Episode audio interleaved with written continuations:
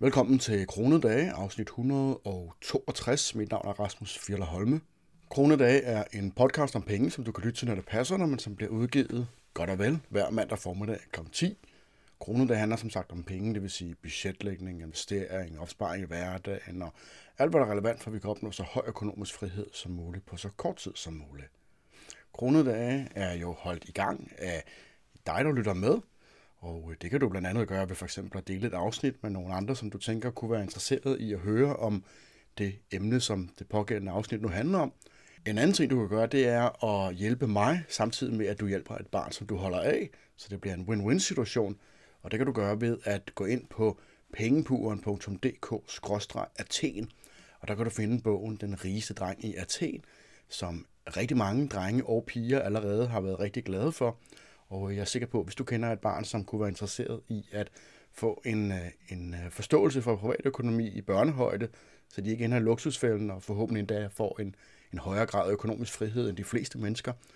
jamen øh, så prøv at gå ind på pengepuren.dk-athen. I denne uge der skal vi tale om fiatvaluta og det, som jeg vil egentlig på dansk kaldes for brøk reservebankvæsen, hvad jeg sådan har kunne støv op, men øh, som jo hos de fleste hedder fractional reserve banking. Og det skal vi, fordi at det øh, dels er øh, selvfølgelig vigtigt at have en, en vis forståelse for mm, de ting, som drejer sig om penge, som ikke bare er det helt nære med vores sådan helt nære private økonomi, men også sådan lidt fra et, et makroperspektiv. Og, øh, og netop fordi vi så også kan blandt andet bruge det til at optimere vores egen mikroøkonomi. Vi kan måske starte med at tale lidt omkring, hvad fiat, hvad, hvad fiat valuta er for noget. Øh, og fiat valuta er sådan meget kort sagt en pengetype eller en form for penge, en valuta, som øh, bliver udstedt af en stat, og som ikke er bakket op af en eller anden form for fysisk råvare, som for eksempel guld eller sølv. Historisk set, historisk set så har øh, penge jo været noget, der ligesom,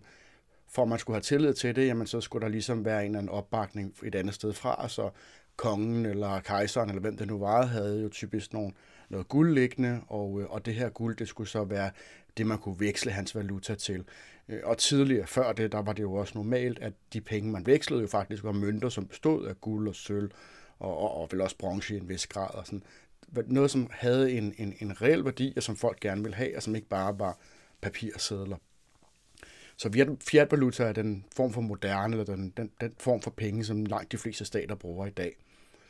Og værdien af sådan en fiat-valuta, jamen det styres jo så selvfølgelig i sidste ende af den udstedte stat, og, øh, og den her værdi, den er jo så delvis baseret på øh, den tillid, som ligesom er til valutaen, men vil jeg påstå, primært så er grunden til, at folk bruger en valuta som den danske krone, eller euro, eller dollar, eller noget andet, udover at det selvfølgelig er en vane i dag, men der er det primært, at der er et krav om, at skatter og afgifter, de skal afregnes og betales i den nationale valuta, som man nu hører til. Og det betyder selvfølgelig, at du kan ikke betale skat med for eksempel bitcoin eller guld eller med andre ting, som har en værdi, andre aktiver. Og, øh, og når du så skal betale din skat, jamen, så er du nødt til at konvertere de her aktiver til fiat-valuta, øh, den nationale fiat-valuta endda, for at du kan betale den skat, som, øh, som de påstår, du skylder. Så hvis nu for eksempel jeg havde en kunde, som betalte mig i Monero eller Bitcoin eller slagtegrise for den sags skyld, jamen så er jeg jo så tvunget til som minimum at sælge en del af de her aktiver og konvertere dem til danske kroner, for at jeg kan betale skatten. Og øh, fiatvaluta har jo dermed heller ikke rigtig nogen værdi i sig selv, og det er ikke bakket op, som sagt, der er en eller anden anden form for råvarer. Og det betyder selvfølgelig så også, at fiatvaluta bliver, om man så må sige, trukket ud af den blå luft, og ikke rigtig har nogen underliggende værdi. Ofte så hører jeg den her med, at, øh, og det er ikke fordi den her, det her afsnit skal handle om, øh, hvor fantastisk bitcoin er, eller noget af den stil, men ofte så hører jeg argumentet om, at jamen, bitcoin har jo overhovedet ingen værdi, det er jo bare et tal på en computer,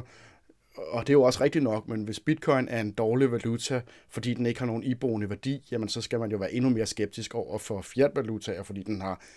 måske endda endnu mindre iboende værdi. Man kan sige, at i det mindste, jamen, så har bitcoin-netværket en ret betydelig værdi som en, uh, som en praktisk talt uhackbar distribueret ledger, altså der rent faktisk er nogle tekniske muligheder for at bruge Bitcoin-netværket til andet end bare en, en, ja, et form for valuta. Øhm, pointen er sådan set bare, at den kritik, der ofte kommer for i forhold til, øh, til bitcoin eller andre kryptovalutaer, kan måske endda i endnu højere grad øhm, bruges på, øh, på fiat-valutaer. Men det er jo så fiat-valutaer, men grunden til, at vi taler om det, det er virkeligheden for at komme videre til det, som egentlig er formålet med det her afsnit, og det er at snakke om fractional reserve banking, eller det, som til synligheden hedder brøk reservebankvæsen, men det kommer vi altså ikke til at kalde det det her afsnit.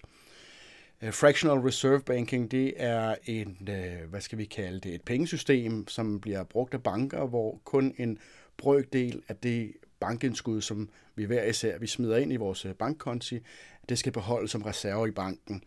Det betyder, at hvis nu for eksempel du har 100.000 officielt stående inde på din, øh, på din netbank eller på din bankkonto, jamen så er der en del af det, en brøkdel af det, der skal stå som reserve, og banken kan så udlåne resten af de her penge. Men at de så samtidig kan skrive på din konto, at du stadigvæk har pengene, selvom at du egentlig ikke har dem, fordi de er udlånt eller investeret i, i nogle aktier eller et eller andet andet. Så det vil sige, at når du indbetaler penge i banken, jamen, så beholder de dem faktisk slet ikke. De udlåner dem, eller de investerer dem i hvert fald i nogle andre ting. Og det beløb, som bankerne så skal holde i reserve, jamen, det bliver jo fastsat af Nationalbanken eller af centralbankerne fra andre forskellige lande. Øh, og det er så som regel en procentdel af det samlede indskud. Så hvis nu for eksempel den krævede reserveprocent, den er for eksempel 10 procent, jamen så kan banken jo for hver 100 kroner, som der bliver indsat på en konto, der skal de så holde 10 kroner i reserve, og så kan de så udlåne eller på anden måde investere de resterende 90 kroner. Og det er så i virkeligheden det, der skaber en meget stor del af den valuta, som er, eller den fiat-valuta, som er i omløb. Det er, når du indsætter 100 kroner i din bank, og banken tager de 90 kroner og udsteder lån eller andre former for kreditter til, øh, til låntagere. Og låntageren, de får jo så de her lån, som de jo, man tager jo typisk et lån, fordi man skal bruge pengene. Og det betyder så, at de bruger de her penge, som de har lånt, dine penge, som de har lånt via banken, og, øh, og så bruger de dem et eller andet sted til at renovere deres hus, eller hvad det nu er, de skal bruge pengene på, og så kommer der flere penge i cirkulation, og, øh, og det gør der jo fordi, at det vil sige, at pengemængden øges, og det gør den, fordi at de har de her 90 kroner ude i, øh, ude i omløb, og du har et, øh, et krav hos banken på 100 kroner. Det vil sige, at pengemængden er lige pludselig gået fra at være 100 kroner til at være 190 kroner. Og det øger jo så netop den samlede mængde penge, som er øh, til rådighed i den, i den samlede samfundsøkonomi. Men det stopper jo ikke her, fordi ikke nok med, at de penge, du sætter i banken, der bliver størsteparten af dem, de bliver udlånt, og på den måde så har vi næsten fordoblet pengemængden. Samtidig så er det jo også sådan, at når, øh, hvis du sætter 100 kroner ind på bankkontoen, og øh, Peter han så låner 90 af dine kroner via banken, jamen så går han jo ud og bruger dem hos måske en tømrer for at få renoveret sin bolig, og den her tømmer, han kan jo så enten bruge pengene, eller han kan sætte dem i banken. Måske, og hvis han bruger pengene, jamen så måske dem, han bruger dem hos, de sætter dem også i banken. Så det vil sige, at pengene kommer en gang til ind i banken. Og der kan de jo så igen tage de her 90 kroner og tage 90 procent af det og udlåne dem øh, videre. Og på den måde, jamen, så har vi jo sådan en, hvad skal vi kalde det, en, en, en eksponentiel proces eller sådan noget. I virkeligheden så er det det, man kalder for multiplikatoreffekten. Altså at pengene jo ligesom, de penge, der er i omløb, de ligesom bliver øget med et, et, hvad skal vi kalde det, et multiplum, eller de bliver ligesom ganget op hver gang, at, øh, at pengene de rammer en ny bank. Og øh, størrelsen af den her multiplikatoreffekt, det afhænger af selvfølgelig af flere forskellige faktorer. Blandt andet så afhænger det af, hvor meget øh, de forskellige banker de er villige til at låne ud. Så hvis, øh, hvis bankerne de føler sig trygge ved at udlåne penge, øh, eller har en eller anden form for højt incitament, måske har staterne lavet nogle regler, som giver bankerne nogle nogle økonomiske incitamenter til at låne penge ud, jamen så vil de selvfølgelig låne meget mere ud, end de ellers ville have gjort. Og, øh, og hvis så oven i det folk, de også bruger pengene hurtigt, og de hurtigt kommer tilbage til en eller anden bank igen, jamen så vil den her multiplikatoreffekt være større end en situation, hvor bankerne kun låner små beløb ud, eller hvor folk måske i højere grad øh, ikke sætter pengene så hurtigt hen i banken. Måske endda får dem i kontanter, eller de, er, de forbliver i omløb. Øh, og så vil multiplikatoreffekten være, være lavere, og der vil dermed være en, øh, en mindre grad af, øh, af stigning i pengemængden, og dermed også mindre inflation selvfølgelig. En anden faktor, som har en betydning, det er jo så også renten, at når banken de opbevarer deres penge i øh, centralbanken, jamen, så tjener de penge på renten. Og når de låner deres penge ud, jamen, så tager de jo så en rente, der er højere end den rente, de kan få fra centralbanken, og også højere end den rente, som de giver dig øh, med dit indskud den meget, meget lille rente, vi trods alt i dag får. Og på den måde, så tjener de så på at låne deres penge ud. Omvendt så ser vi jo så også sådan, at fordi at bankerne, de jo kun behøver at beholde 10 procent, jeg mener det er 10 procent i Danmark, at øh, når kunderne så hæver deres penge fra deres konti, så tager de jo også de her midler fra reserverne. Hvis du har indsat 100 kroner, og de udlåner 90 af dem, og du så kommer tilbage og siger, jeg vil egentlig gerne have mine 100 kroner, hvad sker der så? Jamen, så sker der jo det, at bankerne de skal finde pengene et eller andet sted. Og de har jo selvfølgelig øh, nogle, øh, nogle beregninger, der siger, at de har en rimelig god idé om, hvor mange penge der ligesom skal være i, i, til rådighed, altså hvad de her 10 procent øh, skal være for at, øh, for at man ligesom kan dække folk ind, når de kommer og beder om deres penge. Men hvad sker der så, når flere mennesker øh, kommer og beder om deres penge? Hvis nu for eksempel folk mister tilliden til bankerne, eller der sker et eller andet, som gør, at folk gerne vil trække deres penge ud, jamen hvis bankerne så ikke har reserver til at dække de her udbetalinger, ja, så kan de selvfølgelig komme i ret store problemer, og så kan det have en, en øh, vicious circle effects, kan man kalde det, at, øh, at flere mennesker oplever, at hov, her er en bank, der har et problem, som måske ikke kan betale deres penge, og, og så vil de selvfølgelig også skynde sig at få deres penge ud. Og det har vi jo set gennem historien rigtig mange gange, det her man kalder for et, øh, et bankrun, at alle mennesker de løber til banken for at få deres penge ud, og, øh, og det kan jo så skabe en, en styrket finansiel øh, panik i den samlede økonomi. Rigtig mange stater de forsøger jo så at forhindre det her, fordi vi har jo set det ske mange, mange, gange, mange gange op gennem historien. Og det forsøger de jo blandt andet ved at øh, oprette de her indskudsforsikringsprogrammer, altså øh, en garantier, som siger, at det indskud, du har i din, øh, i din bank, jamen der, der dækker de det, hvis banken skulle gå konkurs for eksempel, op til et eller andet beløb. Og jeg mener, at det er vist øh, 100.000 euro, altså 750.000 danske kroner. Så hvis du har dem stående i din bank, og banken går konkurs, og du har under det her beløb, jamen, så vil du, øh, så vil du blive dækket.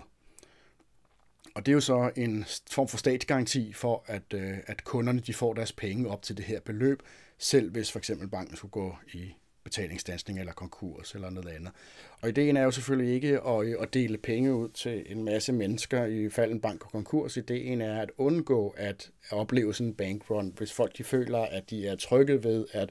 jamen, hvis min bank skulle gå konkurs, jamen, så skal jeg nok få mine penge, så derfor så behøver jeg ikke at, og, og blev bekymret, hvis jeg hører et eller andet om, at min lokale bank de har økonomiske problemer. Men øh, som vi jo så for nylig har erfaret fra, hvis du har fulgt en lille smule med i medierne, så har du også hørt om Silicon Valley Bank, som jo gik, øh, eller som kollapsede. I virkeligheden var det vist medierne, der greb ind, eller ikke medierne, øh, myndighederne, som greb ind. Øh, men det var, blandt, det var på baggrund af, at de havde nogle ret markante økonomiske problemer, at de jo ikke kunne skaffe de penge, der skulle til, når kunderne bad om dem. Og øh, da vi her talte om en øh, bank, som havde øh, rigtig mange meget store kunder, meget store øh, techfirmaer især, som jo havde rigtig mange penge stående inde, og selvom amerikanerne også har sådan en indskudsgaranti, jamen, så er det jo ingenting, hvis, øh, jeg mener, at den er 200 eller 250.000 dollars, og det er jo ingenting, hvis du er et firma, som har 100 milliarder eller 500 millioner for den sags skyld, så, øh, så har du jo ikke nogen... Øh,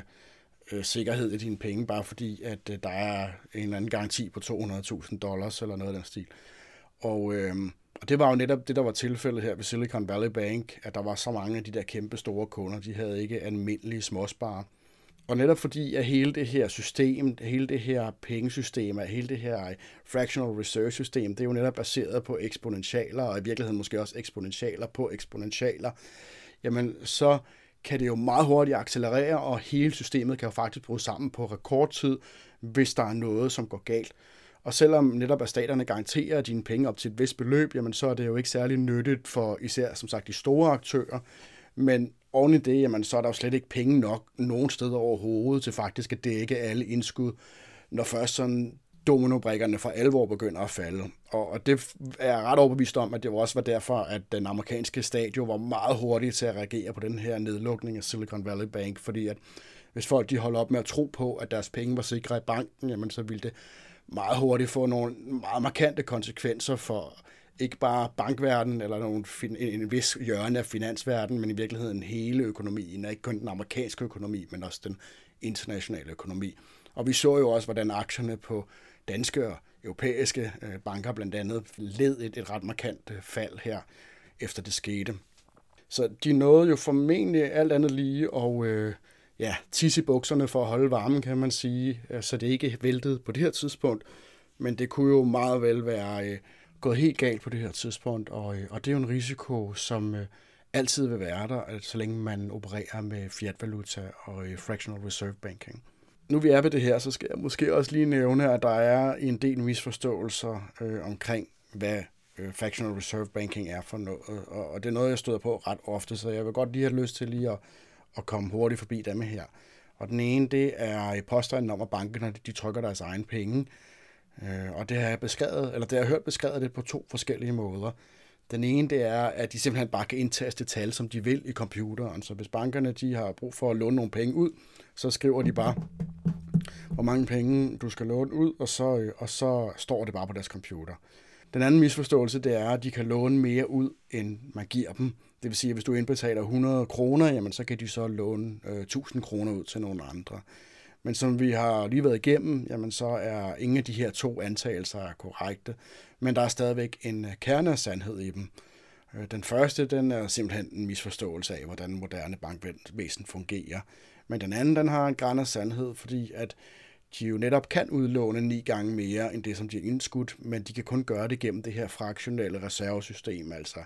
at øh, pengene ligesom skal være i cirkulation først, og så kommer de tilbage til en eller anden form for bank. Så det er ikke sådan, at øh, Danske Bank for eksempel bare kan udnytte det her system, øh, uden at der ligesom også andre banker er involveret. For det kan sagtens være, at jeg låner nogle penge af Danske Bank, som jeg så bruger til et eller andet sted, hvor pengene bliver sat i, jeg var lige ved at sige Unibank, det afslører måske lidt min alder, øh, Jyske Bank eller en af de andre. Så det er rigtigt nok, at bankerne kan udlåne mere end,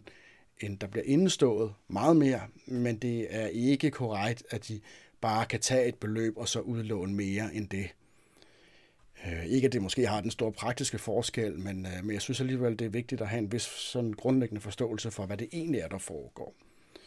Øh, og det betyder så, at centralbanken ret nemt kan regulere, og de kan også forudsige pengemængden til en ret høj grad ved at, øh, at selv at fastsætte og justere sådan noget som renteniveauer og, øh, og hvor meget der skal være i reserve og, og andre former for pengepolitikker. Så det er ikke bankerne, der bestemmer, hvor mange penge der skal være ude i systemet. Det er stadigvæk øh, Nationalbanken eller Centralbanken, som laver en politik, og på baggrund af nogle beregninger kan de lave nogle ret store eller ret solide estimater, ikke 100%, men ret solide estimater af effekten af de politikker, som de så fører ud i,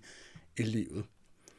Øhm, hvad er så problemet, udover at det helt tydeligt er en temmelig risikospil, der foregår, og, og det er et spil, som før eller siden vil have øh, mærkbare konsekvenser. Altså man kan simpelthen ikke have sådan en situation, hvor at, at alt er baseret på øh, eksponentialer, øh, uden at det på et eller andet tidspunkt vil, øh, vil have en øh, vil, vil falde fra hinanden. Men udover det, så ser jeg øh, flere problemer ved, at vi har sådan et fiat-pengesystem her. Det ene det er jo, at den har en tendens til at føre til finansiel ustabilitet, og, øh, og det går ud over nogle incitamenter til for eksempel at spare op, fordi vi jo med øh, fractional øh, reserve banking altid har en stigning i pengemængden. Det er måske ikke nødvendigt, men det er i hvert fald det, der praksis sker. Jeg tror, vi har haft tre gange, hvor at der ikke har været inflation, eller tre, øh, øh, tre år de sidste 100 år, måske fire, hvor vi ikke har haft inflation i Danmark. Og, øh, og inflation, det mindsker jo netop incitamentet til at opspare. Og det skaber netop i, i samme ombæring også inflation, som gør, at folk skal ud og investere deres penge, hvis de gerne vil opretholde værdien af dem. Og øh, det er ikke ideelt, fordi det betyder jo, at med alle investeringer kommer der en vis risiko. Og øh, i en bedre verden, når man så må sige, så burde det jo være sådan, at de penge, du tjener, og du lægger til side, og, så, og du ikke bruger, dem kan du have stående i banken, eller liggende under hovedpuden, eller et eller andet andet, og så vil de have mindst den samme værdi, når du går på pension. Men sådan er det ikke i dag, og det betyder, at det presser folk til dels at bruge penge hurtigere, fordi at man jo får mere ud af dem nu end i morgen, men også, at du ligesom er nødt til at, at risikere dem, du er nødt til at satse dem, øh, hvis du gerne vil opretholde din købekraft. Så der er sådan en negativ effekt på den enkeltes øh, opsparer. En anden ting er også, at når bankerne de kan skabe penge ved hjælp af den her fractional reserve banking, og, øh, og de kan udlåne mere, end de i virkeligheden har indestående, jamen, så kan det jo resultere i en øh, overvurdering af, hvad forskellige aktiver er værd, fordi at der jo netop skabes penge ud af den blå luft, og, øh, og mange af de her penge, de kan bruges til spekulation, og det er nemt at få adgang til kreditter til lån, jamen så vil der også blive lånt flere penge og brugt flere penge, øh, på for eksempel aktiemarkedet, og, øh, og det vil skabe en spekulationsboble, som vil være uholdbar og vil føre til, øh, at den her boble den øh, popper fra tid til anden. Og det er jo det, vi ser. Vi ser den her finansielle cyklus, hvor at øh, aktiemarkedet og, og ejendomsmarkedet og de fleste andre øh, aktivmarkeder, de, øh, de ser perioder, hvor der er et kæmpe opsving, og så popper det, og så falder det gevaldigt ned igen, og så kommer det op igen. Og det hænger sammen med den måde, som øh, pengemængden den bliver styret og kontrolleret fra, øh, fra centralt hold. Oven i det, så er der, og det er det, jeg vil nok vil påstå var det vigtigste,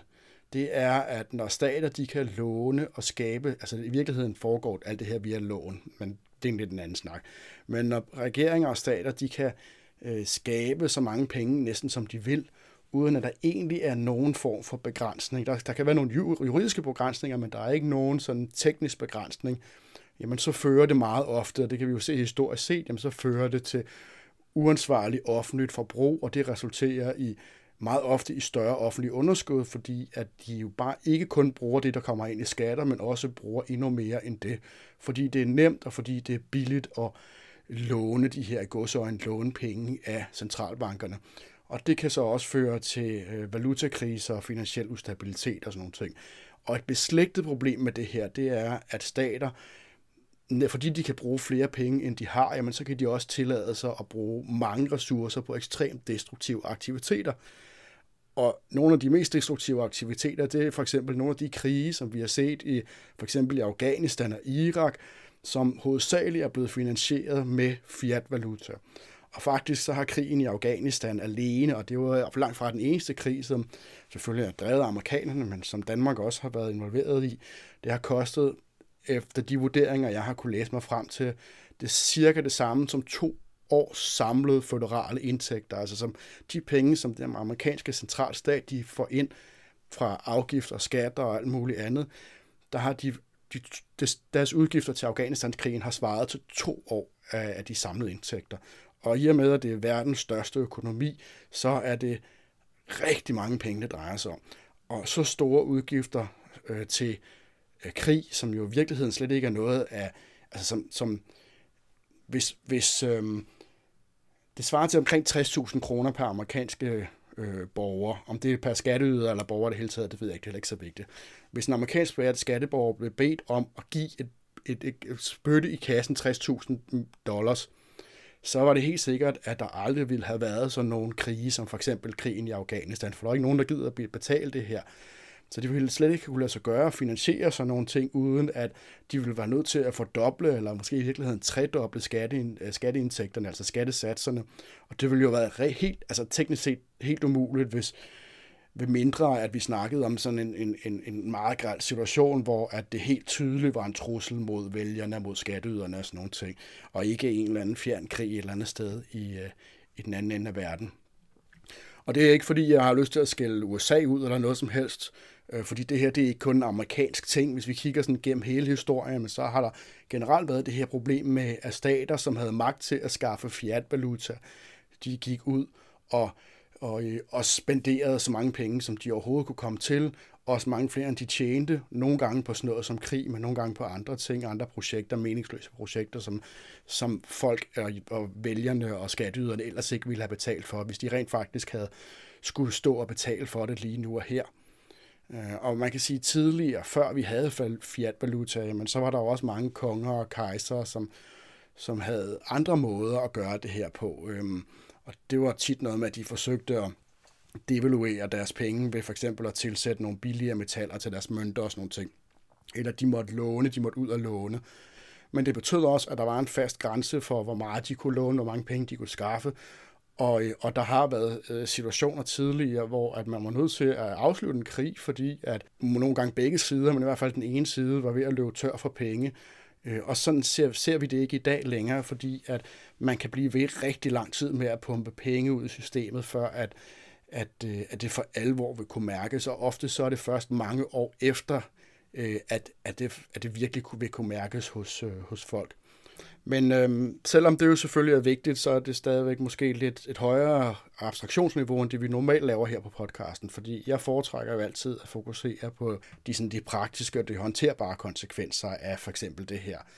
Øh, og derfor så vil jeg også gerne lige afslutte med at tale lidt omkring, hvad vi kan gøre for at øh, beskytte vores egne individuelle penge mod de ulemper, som er relateret til, at vi har et fractional reserve system.